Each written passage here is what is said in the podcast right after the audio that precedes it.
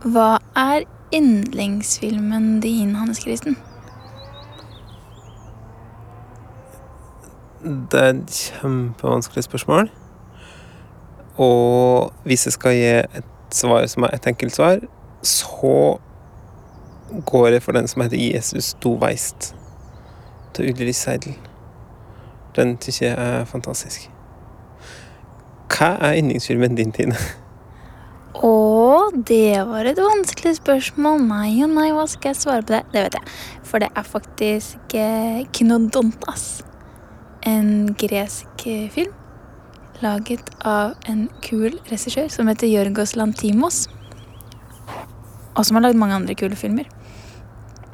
Men fordi jeg tenkte at eh, jeg syns det generelt er litt lite plass til eh, å hylle gresk film, gresk samtidsfilm, så skal gresk samtidsfilm få sine fortjente tosifrete antall minutter i denne til kolon-episoden. Så kjære du som har oss inni øra dine, nå skal du få topp tre av det jeg syns er verdens beste greske filmer.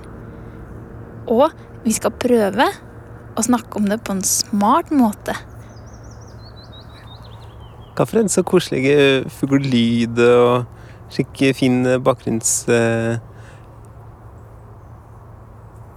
Skikkelig fin kulisse rundt oss her, da. Det er sprøtt i byken. Er det et ekorn? Oi, det er et ekorn! Wow! Det hopper mellom trærne.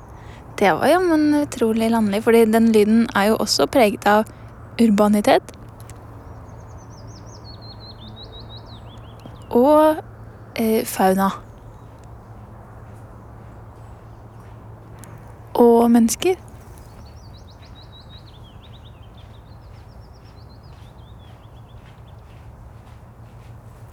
Og flora. Dette er blåbærlyng.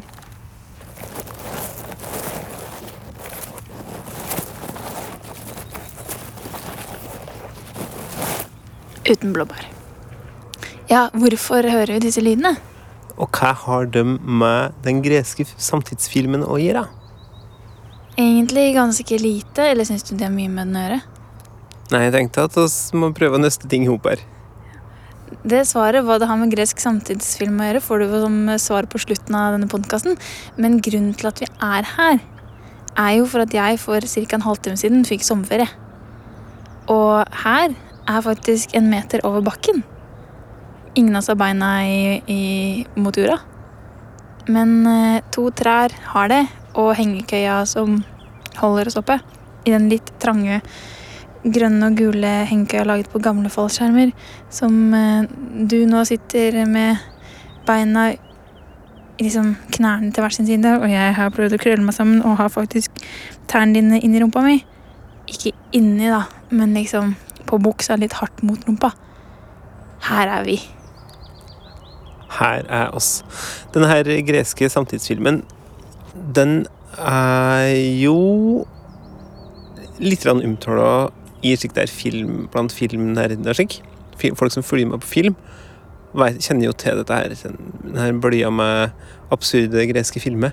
Men jeg jo ofte at de at den bølja blir sett på som en slags Jeg tror mange da ser på den som en slags kuriositet, eller slik der artig parentes i, i det som foregår i filmvernet. Mens det fins jo andre som ikke er slik der men som f.eks. er du, Tine, som syns at dette her er kanskje det beste som har skjedd filmhistorie. Stemmer ikke det? Eh, Jo, det stemmer. La oss begynne å smart, snakke smart og avansert om, eh, om yndlingsfilmen min, da. Kynodontas. Og det er ikke sånn at de neste filmene vi skal snakke om, blir kjedelige. Det er jo bare at Kynodontas Eller skal vi ta den til sist, kanskje? Nei, vi tar den først. Kynodontas er den aller beste. Og kan ikke du ta oss og beskrive en scene du husker godt fra den filmen? Da husker jeg kjempegodt ei dansescene fra den filmen. Den husker jeg også. Jeg kan ta en annen, da. Men du kan begynne med den. Ja, For det som er med Kunodontas, at det er jo da tre søsken, to søstre og en brør som vokser En brør. Dette det en bror. To søstre og en bror som vokser opp med foreldrene sine, og de har en utrolig beskytta barndom. De lærer at eh, eksempel når de oppdager et nytt ord kan vi finne på et ord som eh, kjøleskap. Så kan de lære at ordet kjøleskap det er de små dyret som dere ser når dere ser opp mot himmelen. Eh, som da er fugler. Og så må en hele tiden navigere i et ordforråd som ikke stemmer overens med virkeligheten, men som eh, foreldrene har skapt for å holde på ungene sine hjemme, holde ungene inni det de på en måte føler en en slags trygg atmosfære. Som ikke er trygg i det hele altså Den er jo helt, helt spinnvill, den atmosfæren. Og så er vel da filmen en slags Jeg tenker at det er en slags satire. Og denne her scenen, som er dansescena, som jeg husker godt, det er en scene der de har en slags familietilstelning, disse her fem. Og de har en trivelig middag, og så har da hun ene dattera Ja, Tine? Faktisk så tror jeg de har det som en fest, for de skal feire at mammaen er gravid, og kanskje her skal hun føde en hund. Stemmer det. Eh, og så har hun ene dattera Hun har jo greid å se på TV, og der har hun antagelig sett noen som dansa, kanskje.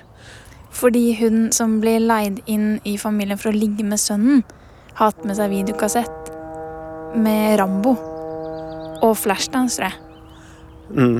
Og hun her, dattera har jo da blitt utrolig inspirert av Flashdance. Så hun dansa Hvis en tenker at et normalt menneske skal danse, så danser det opp i vilterhet på en skala opp til 20, da. Så danser hun her i en skala opp til 60, minst. Kanskje 100. Så det er helt slik vill dansing. Eh, totalt uironisk, bare kjempeinspirert av et eller annet hun har sett på TV. Som da kanskje er Flashdance, og som andre på en måte ser på og kanskje drømmer seg litt bort men som hun har sett på som en slags eh, eh, Som en slags guide til hvordan det er kult å bevege seg. Altså. Og den scenen er utrolig fin. Og det er vanskelig å holde seg alvorlig gjennom den scenen, og på samme tid så er det det som er med Kunodontas, og egentlig med alle disse her greske filmene, at de er ofte vanskelig å holde seg alvorlig gjennom, og de framstår utrolig komiske. Og på samme tid så skildrer de egentlig bare ting som er ganske alvorlige. Hva er det scenehuset du godt til? Jeg husker de ulike konkurransene de har, fordi foreldrene deres får dem til å øve på ulike ting. F.eks. hvem kan holde pusten lengst under vann. Og at de får belønning ut fra det. Og så husker jeg kjempegodt når de skal se på film. Så ser de på film fra de er små, og så kan de alle replikkene, så de sitter bare liksom mimer replikkene for hva de selv har sagt, da.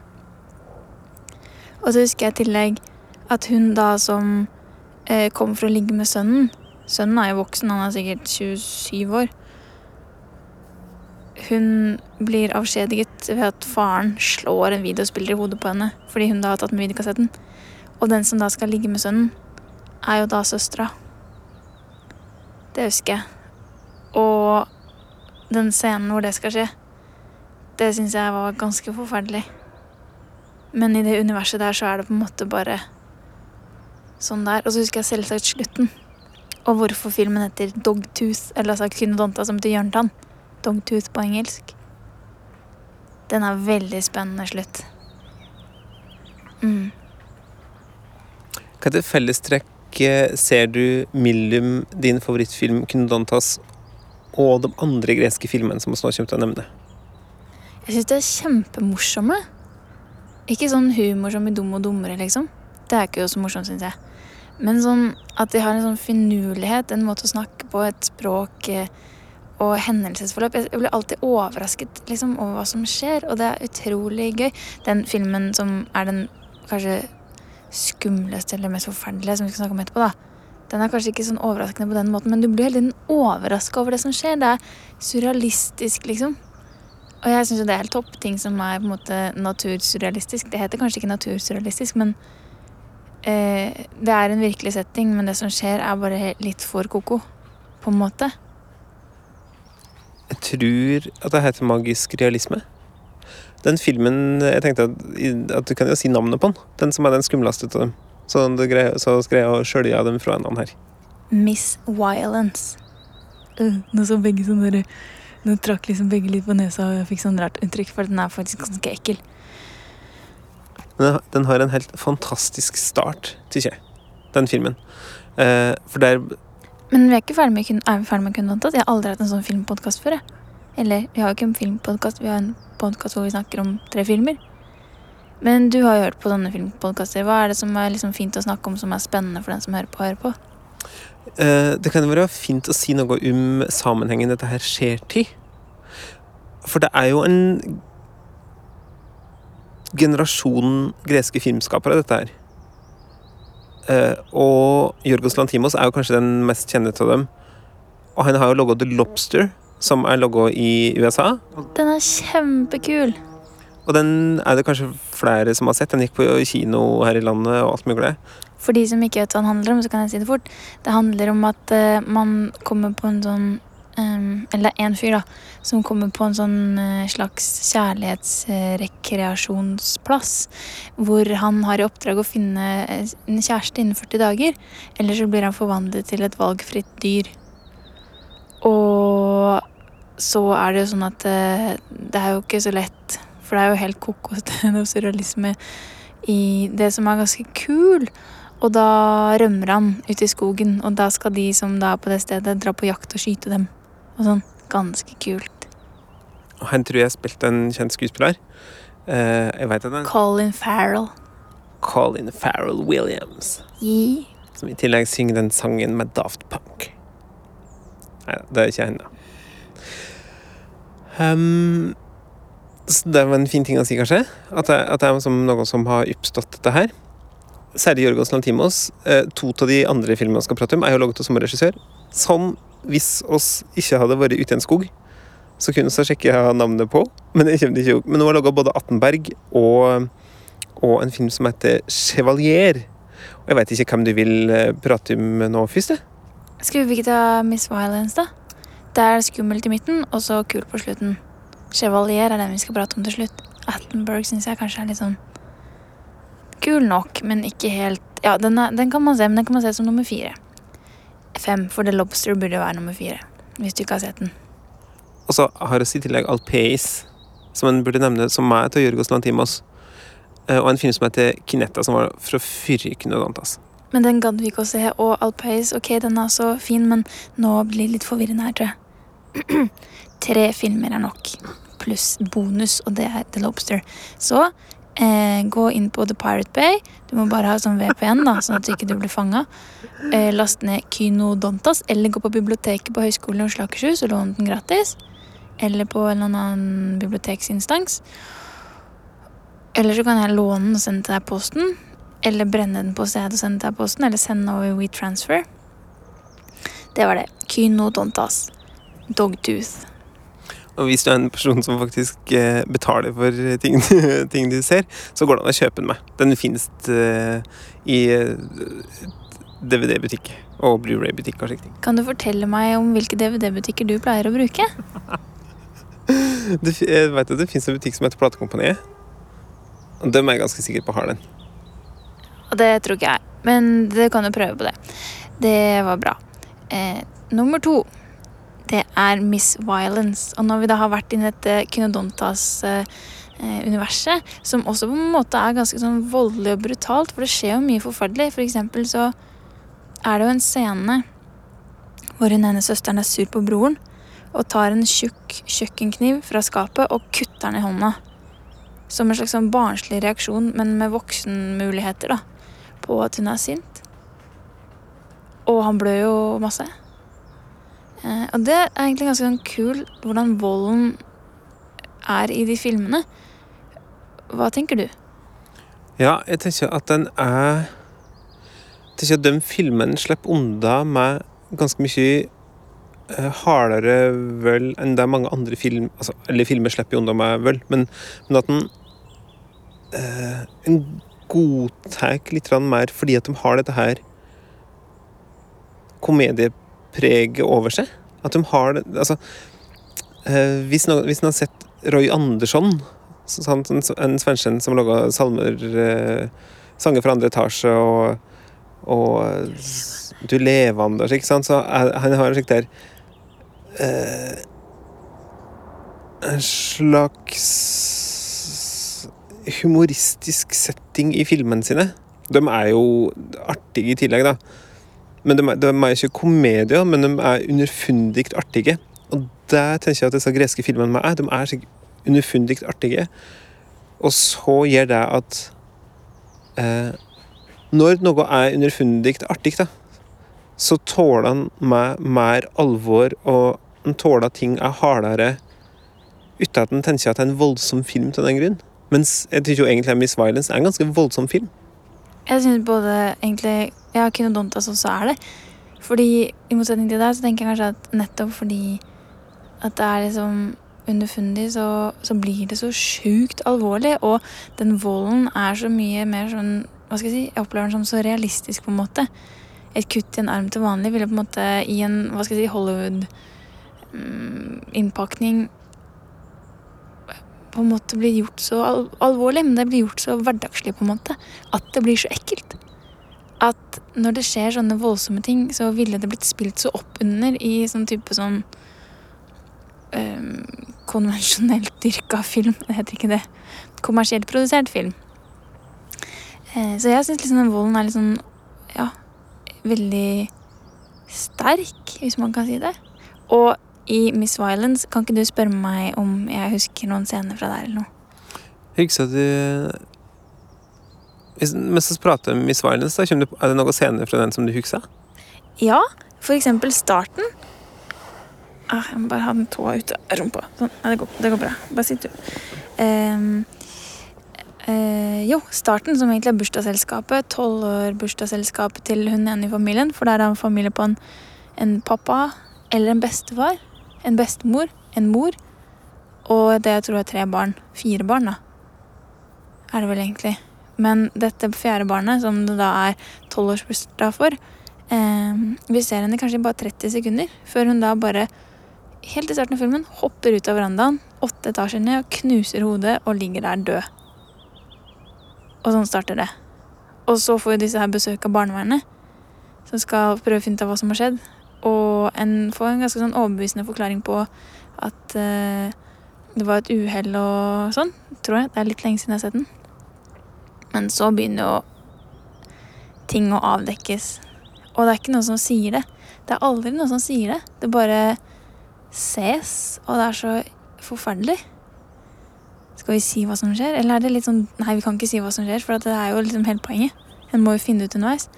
Men det er så dystert og mørkt og forferdelig og trist og vondt. Og det er jo ikke noe morsomt. Det er ikke noe morsomt i den filmen, men det er liksom på en måte så surrealistisk at Magisk realistisk, kanskje. Altså, det er så Jeg bare tenker at hva er grunnen til at jeg likte den filmen og ikke så mange andre filmer hvor det skjer sånne grusomme ting? Jo, nettopp fordi det det er en sånn finesse over det. Det er en sånn, Jeg føler ikke at det er kalkulert. Det føles som om på en måte det bare er en um, naturlig måte å fortelle ting på. Men som ikke er sånn Å, nå kommer skummel musikk. Nå må du gråte. Sånn, liksom. Jeg tykker at det, det finnes et eller annet element av Generelt i filmene. At uh, i alt al alvorlige som skjer, står noen og peker også i bakgrunnen, på en måte. Det er et eller annet som um, uh, Det her er jo det, sant, det, det motsatte Altså, Miss Violence Hvis den, den handlingen uh, og det som skal skje, og de familieforholdet Hvis det hadde vært tema i en film som ikke var til den her greske absurdismen, da, så hadde det vært en så utrolig tung og ild film å se. En kunne jo se for seg at, det var, at den samme handlingen skjedde, skjedde i en sånn dansk nyere film. At du, hvis det var Susanne Bier, da, som hadde laga den filmen, så hadde du kjent det i magen og vært ødelagt i dagevis. Mens i Miss Violence så, så er det, det er litt sånn som en film, men tross alt måtte sitte og flire litt til det. Lurer på hva han får til. Det minner om bruker altfor mange referanser. Men det minner bitte litt om han eh, Bruno Dumont, han som laga Petit Caca. Eh, som er en fransk filmskaper. da Og Petit Caca er en skikkelig mini-TV-serie. Men jeg anbefaler sterkt, selv om den ikke har noe med denne saken her å gjøre. Men han er slik at Han tar alvorlige tema, og så logge han litt komedie av det. Men det er jo ikke komedie, det her. Det er det som er så underlig. fordi Sammenlignet med f.eks. Submarino, det er jo en dansk film. Hvem har laget den igjen? Tror, det er Thomas Winterberg, tror jeg. Ja, Det er jo på en måte den filmen jeg har sett hvor jeg har grått en halvtime etterpå og ikke slutta. Og hver gang jeg tenker på den, så får jeg vondt i magen. Den er fantastisk forferdelig vond, og utrolig god film, syns jeg. Og handler om da to brødre som i starten finner sin nyfødte lillesøsken søster eller bror død fordi mora er så jævla rusa at jeg har glemt å mate babyen, og babyen dauer. Og så er det liksom deres historie, hvordan de klarer seg som voksne, og det går jo ikke noe bra. Og på en måte i Miss Violence, altså tematikken er jo mye verre. Det er jo mye mer forferdelige ting Eller det er dumt å rangere grusomheter, da, men det som skjer, er jo mer alvorlig, hvis man kan rangere det, i Miss Violence. Men allikevel sitter jeg med samme følelse som deg, at det på en måte var litt sånn du føler deg på en måte ikke tømt, men litt styrka. Eller jeg vet ikke om folk gjør det, men jeg gjør i hvert fall det. Også kanskje fordi slutten er litt sånn forløsende, og at eh, det er ganske spennende, syns jeg, når jeg tenker at jeg er et menneske med menneskerettighetene høyt oppe i hodet. Men samtidig så er det ingenting som er deiligere enn blodhevn, hvis den først er blitt litt sint. Og blodhevn er jo et stikkord i den Miss Violence-filmen. Men det er jo ingen morsomme elementer i den. Det er jo ingenting som er gøy. Det er jo, det er jo ingenting på en måte. Det er bare kanskje at hele situasjonen er så absurd, og det er ikke lagt opp til at vi skal grine. Og hvordan gjør de det? Det aner jeg ikke. Og det er ganske tøft gjort, syns jeg. At å øh, Nå skal se alt forferdelig vi kan komme på, ja, men la oss tenke å lage en film om det. Og så gjør oss det slik at det Eh, at, at, det framstår som um, du både kan bli litt forskrekka og smile litt, på en måte. Ikke at den sitter og smiler til den filmen, men det er et eller annet som Ja, det er et eller annet der. Kanskje ikke smil, men på en måte Ja, dette er å ikke bare synke inn i grusomheten. Og jeg tenkte også på det at i og Simen, et brudd, den er også veldig veldig ålreit. Irakisk Nei, iransk, mener jeg. Det er litt samme følelsen, kommer jeg på nå. Du mister ikke livsmotet, på en måte, men den er veldig alvorlig og tung. Ja. Hva kan vi si mer om Miss Violence som er liksom klokt og fint og Eller veldig morsomt eller eh, informativt?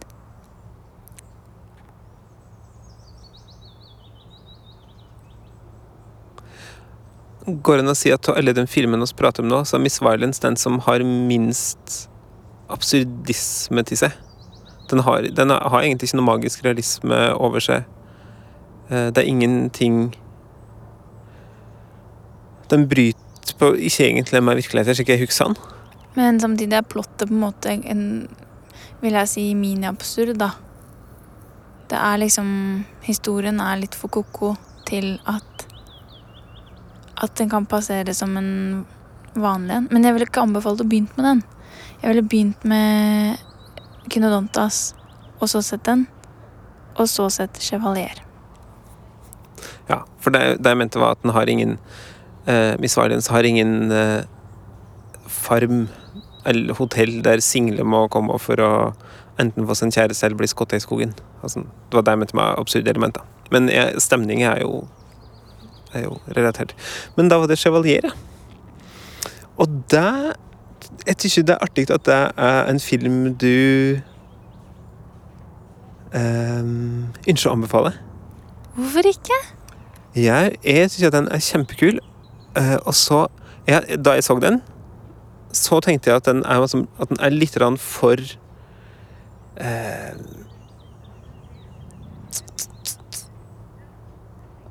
Litt rann, Altså Nei, jeg, jeg bare jeg tenkte Den er ikke like tydelig, syns jeg. Sjøl konseptet er jo kjempetydelig. Du kan forklare deg, da. Ok. Jeg tror det er kanskje åtte. Jeg husker ikke antallet. Men sett at det er åtte menn som er på en dritstor yacht. Jeg har aldri sett en så stor yacht i mitt liv. Jeg har ikke sett den heller, på en måte. Jeg har bare sett den på film, da. Men kjempestor yacht. Har du alltid sett en så stor yacht på film i ditt liv, vel? Uh, jo, på, i denne filmen her. Jeg har faktisk kanskje sett en så stor yacht da jeg syklet i Monaco. Øh, der var det store yachter der.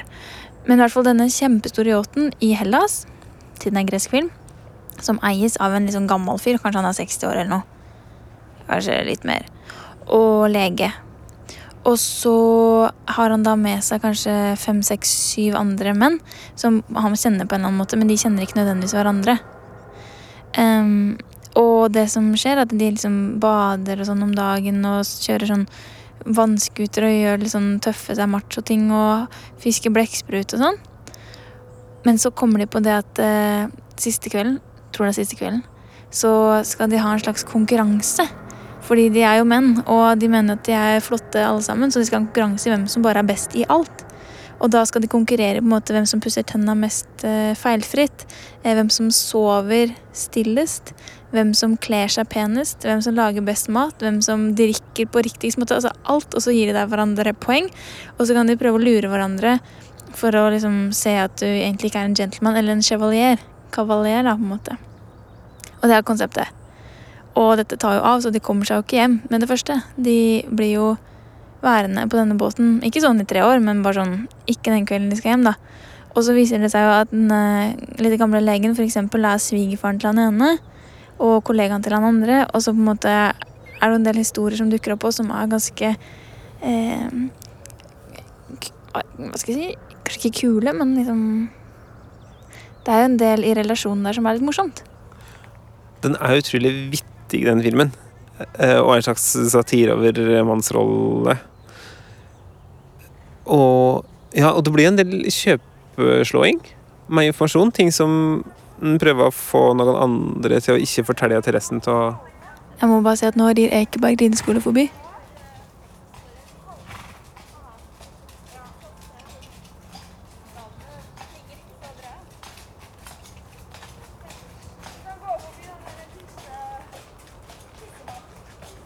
Det var eksotisk. ja. Du sa noe med kjøpslå. Ja, eh, informasjon som noen kanskje Altså som en av de karene kanskje fortalte en av de andre, eller til legen, da. Som en da Som ene vil at de andre ikke skal få greie på, for da vil den jo ta på konkurranser. Så blir det en del kjøpslåing med informasjon og med eh, kunnskapen har om en annen, da.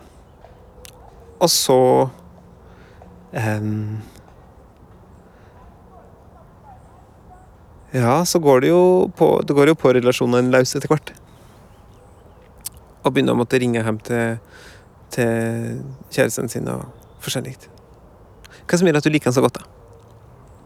Jeg syns den på en måte er så karikert på en kul måte, uten at den blir sånn overdreven. Syns ikke den er sånn burlesk, på en måte, men Eller grotesk. Men den er på en måte stil, ikke, ikke stilisert, men karikert. Altså, de personene er jo, de er jo vanlige menn, på en måte. Eh, men det blir så innmari morsomt fordi nettopp den mannsrolla eller mannskulturen blir så teit. Og ikke teit som i latterlig, men teit som i liksom seriøst. Dere sitter her og prater om at dere er 50 år gamle menn med klasse og sånn og sånn, så konkurrerer dere hvem som er flinkest til å pusse tenna. Eh, Eller hvem som er raskest, eller hvem som svømmer mest lengst, hvem som får størst fisk. Altså, det er liksom på en måte så, så barnslig, da.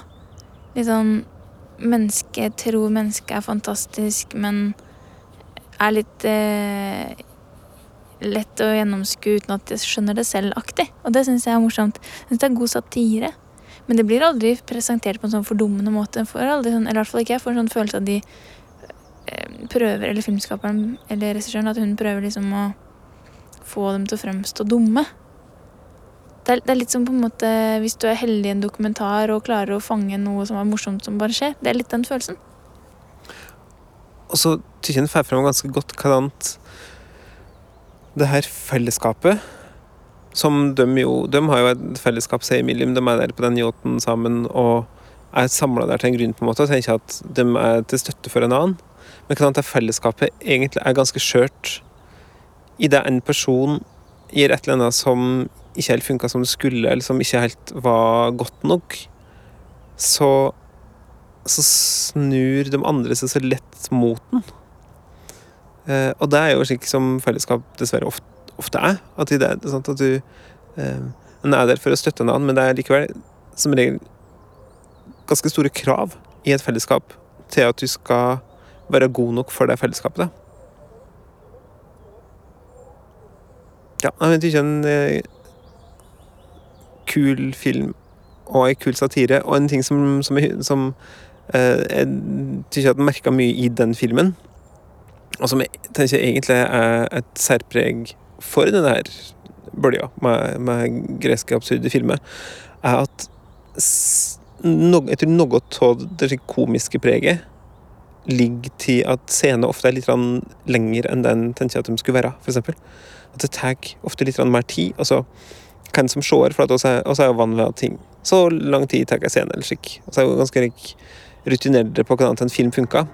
Ofte så kan en bli litt usikker, og kanskje bli litt slik eh, At en flirer litt når noe bommer på den tida oss har innøvd. da.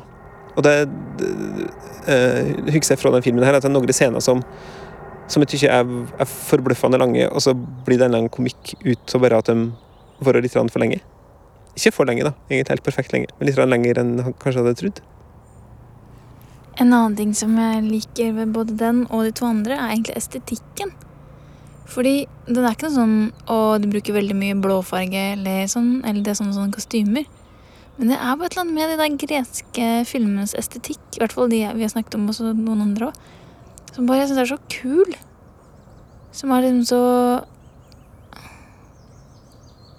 litt sånn skandinavisk designfølelse, på en måte. Eller det er ikke minimalistisk, men det er bare Det er så reint og så appellerende til meg, da. Eller for meg. Og det er liksom ikke sånn type sånn Grand Budapest Hotel hvor hvert eneste bilde kunne vært en plakat for seg selv. Men det er bare Ja, jeg syns det er ordentlig fint. Og det er noe med at på en måte det har jo Bruker jo sånn, i hvert fall de to, den første og den siste, ganske mye sånn natur type. Som bare Altså, det er rent. Det er kult, syns jeg. Det liker jeg godt. Det virker ikke tilfeldig. Det er liksom ingen elementer som ikke skal være der. Og en annen ting som de har til felles, er at Alle snakker gresk. ja, det gjør de ikke i De Lobster, da. Den har vi jo ikke tatt med akkurat nå, da. Nei. Men at de eh, Der for eksempel mange amerikanske filmer, med mange russiske filmer,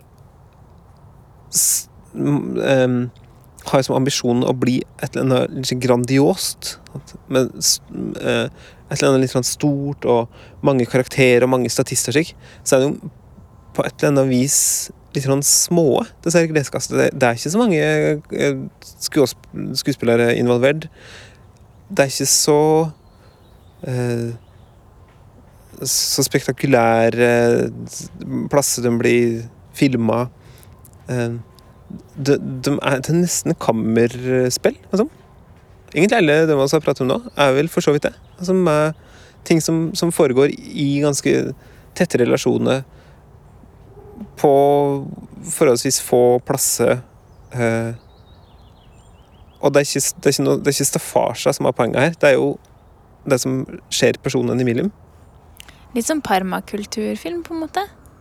Eh, det er jo i, Little, nei, I Miss Violence så er det jo noen sånn utenfra-elementer, og det husker jeg at jeg kanskje syntes var litt sånn forstyrrende. Det flyttes til noen steder og har liksom en del sånn Det må jo det for at det som skjer, skal skje.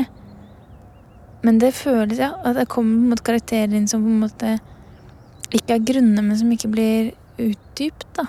For de bare er der som en funksjon. Mens Kanskje særlig Kunodontas og Chevalier er på en måte, som du sier, er veldig kammerspill, fordi det skjer liksom ett sted. Bortsett fra noen ting i Kunodonta som skjer noen andre steder, da. Mm. Jeg tenker at det fins en eller annen slags naivisme med meg i måten disse filmene her framstår på. Jeg tror jo ikke de eh, De er jo utrolig gjennomtenkte. Altså, de er jo ikke naive, disse filmene, men at de Eh, jeg tror at den som, den som ser en til disse filmene og tenker at uh, dette var ikke noe for meg, vil nok ganske lett føle at, den, at vedkommende kan avfeie dem som noe som var litt lett, og ikke så eh, Ikke gift nok, eller ikke Ikke sånn smart nok, eller et eller annet. Fordi at de, de gir seg litt sårbare i at Altså, de, eh, ja, de, de har et eller annet slikt barnlig preg, da.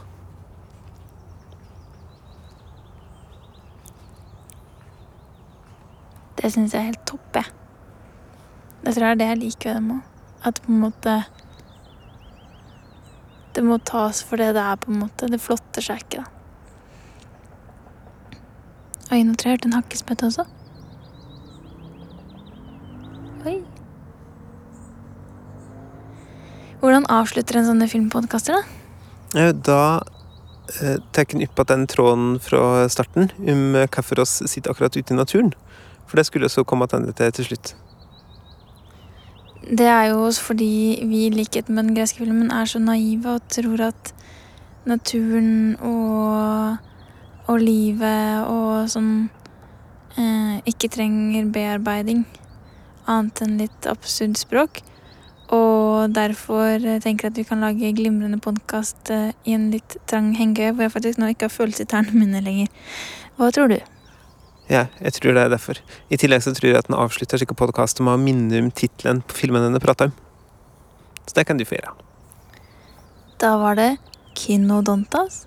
Jeg gjentar Kinodontas. Det var den morsomme Eller morsomme, morsomme. Det var den med den dansescenen som er yndlingsfilmen min. Og så var det Miss Violence Jeg gjentar. Miss Violence. Som er den som egentlig kanskje er ganske voldsom, men som meg er eh, Noe som en ikke trenger å være i voldshumør for å se. Voldshumør. Det er jeg aldri. Jo, det er jeg faktisk, men da vil jeg jo ikke se på film. Den tredje er Chevalier. C-H-E-V-A-L-I-E-R.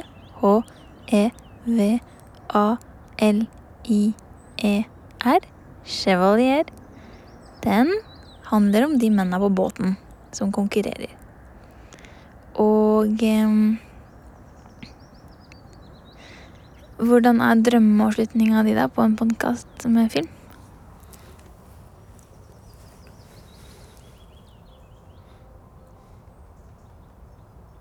Jeg har nemlig et forslag, skjønner du. Da syns jeg du skal komme med det. At vi avslutter med en improvisert sang om disse filmene. Hvilken melodi skal vi ha, da? Gikk en tur på stien. Jeg gikk en tur på stien. Ok, jeg ble faktisk litt sjenert. Vi kan ta altså, rime på noen ord vi syns um, passer i denne filmen. Hvilket ord? Ok. Eh,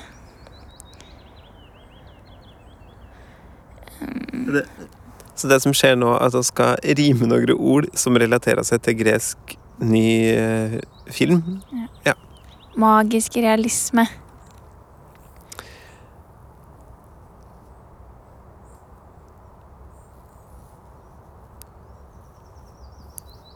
Satirisk magnetisme. Um,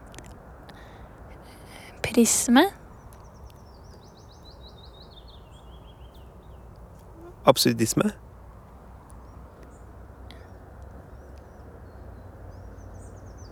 En isme. Det trenger ikke å ha noe med det å gjøre, du kan bare rime. Eh,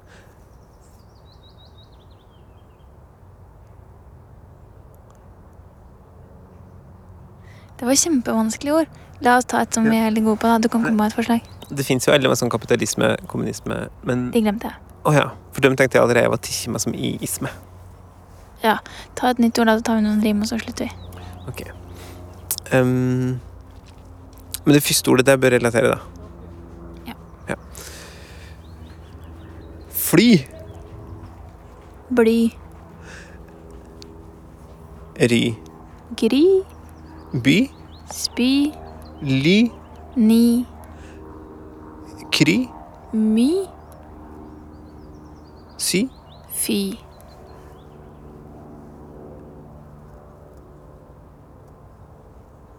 Paraply. Å, det var fint. Ha det. Du må også si ha det.